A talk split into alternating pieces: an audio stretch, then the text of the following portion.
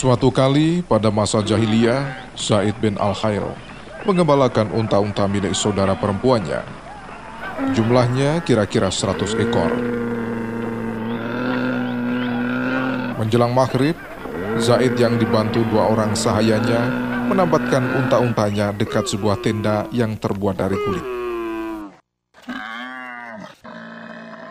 Zaid maupun kedua pembantunya tak menyadari kehadiran seorang tamu tak diundang yang sejak sore mengintai dari balik semak.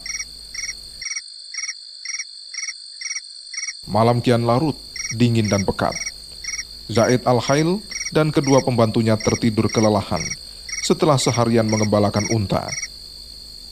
Dalam kegelapan malam, sesosok bayangan berkelebat mendekati tempat unta jantan ditambat.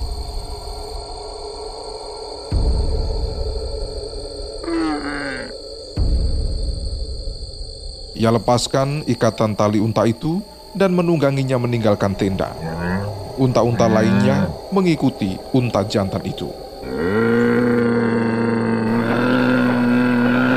Zaid baru menyadari unta-untanya raib ketika bangun tidur di pagi hari. Tanpa pikir panjang, ia raih tali kekang kuda dan memacunya, mengejar si pencuri.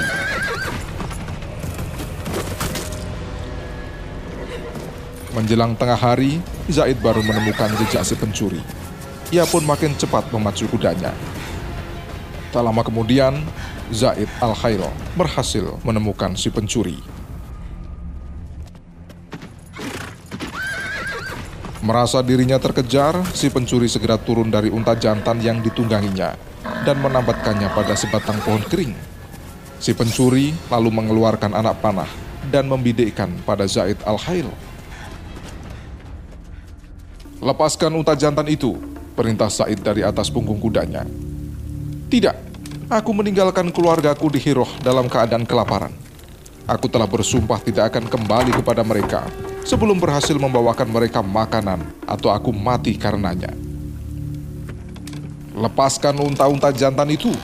Begitu Metak Zaid mengulangi perintahnya. Jika tidak kamu lepaskan, akan kubunuh kau.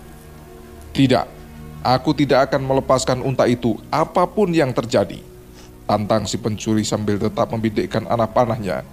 Zaid lalu berkata, kalau begitu, Rentangkan tali unta jantan itu. Di situ terdapat tiga simpul. Tunjukkan padaku simpul mana yang harus kupanah. Si pencuri memenuhi permintaan Zaid dan memintanya untuk memanah simpul yang tengah. Zaid membidikkan anak panah dan melepaskannya tepat mengenai sasaran. Si pencuri penasaran dan menunjuk dua simpul lainnya untuk dipanah. Zaid pun segera melepaskan anak panah dan lagi-lagi tepat mengenai sasaran. Melihat kenyataan itu, si pencuri segera memasukkan anak panahnya dan akhirnya menyerah.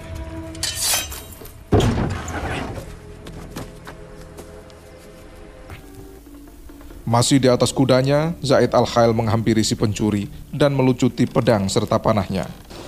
Silahkan kamu naik di belakangku, perintah Zaid pada si pencuri. Setelah berada di belakang, Said bertanya, Hukuman apa yang akan aku jatuhkan padamu? Tentu itu hukuman berat. Begitu jawab si pencuri. Mengapa demikian? Tanya Zaid lagi.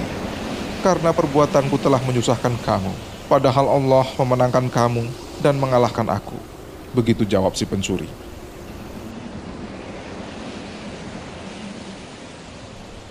Setelah berdialog panjang, si pencuri akhirnya menyadari bahwa yang saat ini berada di depannya adalah Zaid Al-Khail yang dikenal sebagai penawan yang baik. Dalam perjalanan ke perkemahan, Zaid berkata kepada si pencuri, Demi Allah, seandainya unta-unta ini milikku sendiri, sungguh akan kuberikan semuanya kepadamu. Tinggallah ke kemahku dua atau tiga hari. Tak lama lagi akan terjadi peperangan, di mana aku akan memperoleh harta rampasan.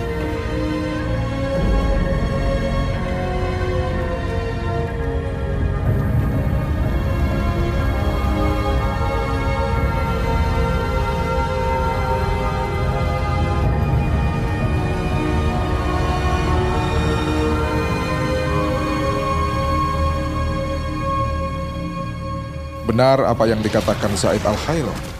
Pada hari ketiga ia menyerang Bani Numair dan memperoleh harta rampasan sebanyak 100 ekor unta. Unta rampasan itu lalu diberikan kepada si pencuri.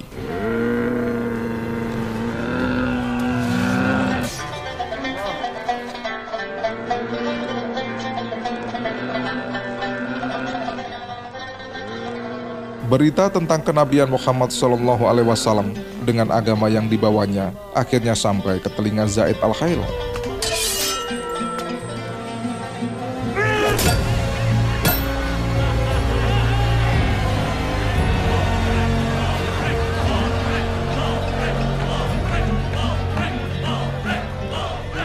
Satu delegasi besar yang terdiri dari para pemimpin kaum Tayi, kaumnya Zaid al Khail, berangkat ke Yastrib hendak menemui Rasulullah Shallallahu Alaihi Wasallam.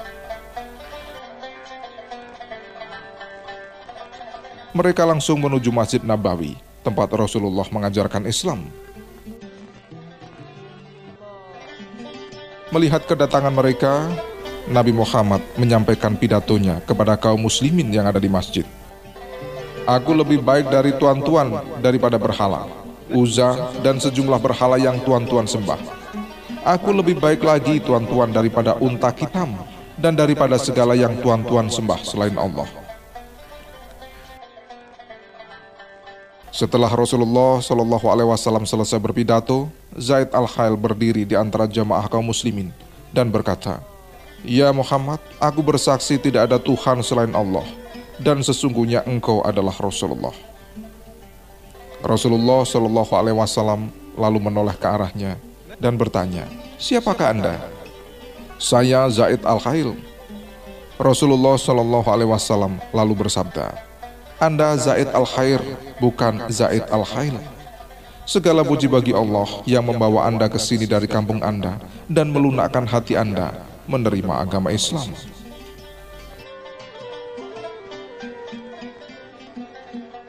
Sejak saat itu, Zaid Al-Khail dikenal dengan Zaid Al-Khair Rasulullah Shallallahu Alaihi Wasallam membawanya ke rumah beliau didampingi Umar bin Khattab dan beberapa sahabat lainnya.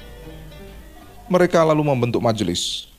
Pada kesempatan itu, Nabi Muhammad bersabda, "Belum pernah saya mengenal orang yang memiliki karakter seperti Anda. Hai Zaid, dalam diri Anda terdapat dua sifat yang disukai Allah dan Rasulnya. Apa itu ya Rasulullah? Tanya Zaid. Sabar dan santun. Begitu Jawab Nabi Muhammad Wasallam. Segala puji bagi Allah yang telah menjadikanku memiliki sifat-sifat yang disukai Allah dan Rasulnya. Begitu kata Zaid.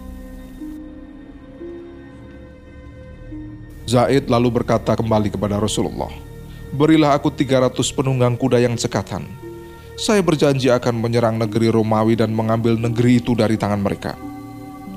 Rasulullah Shallallahu Alaihi Wasallam mengagumi cita-cita Zaid Lalu beliau berkata, Alangkah besarnya cita-cita Anda, Zaid. Belum ada orang seperti Anda.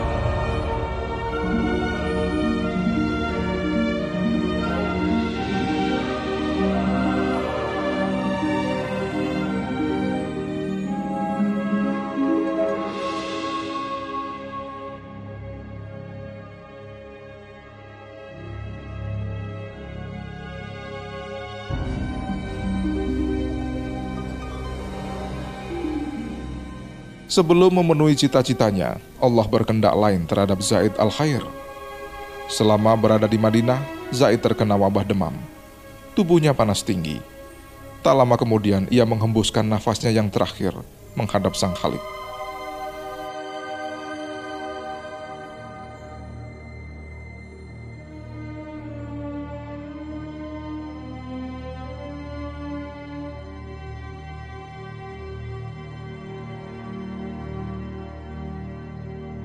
Sedikit sekali waktu yang tertuang baginya setelah ia masuk Islam.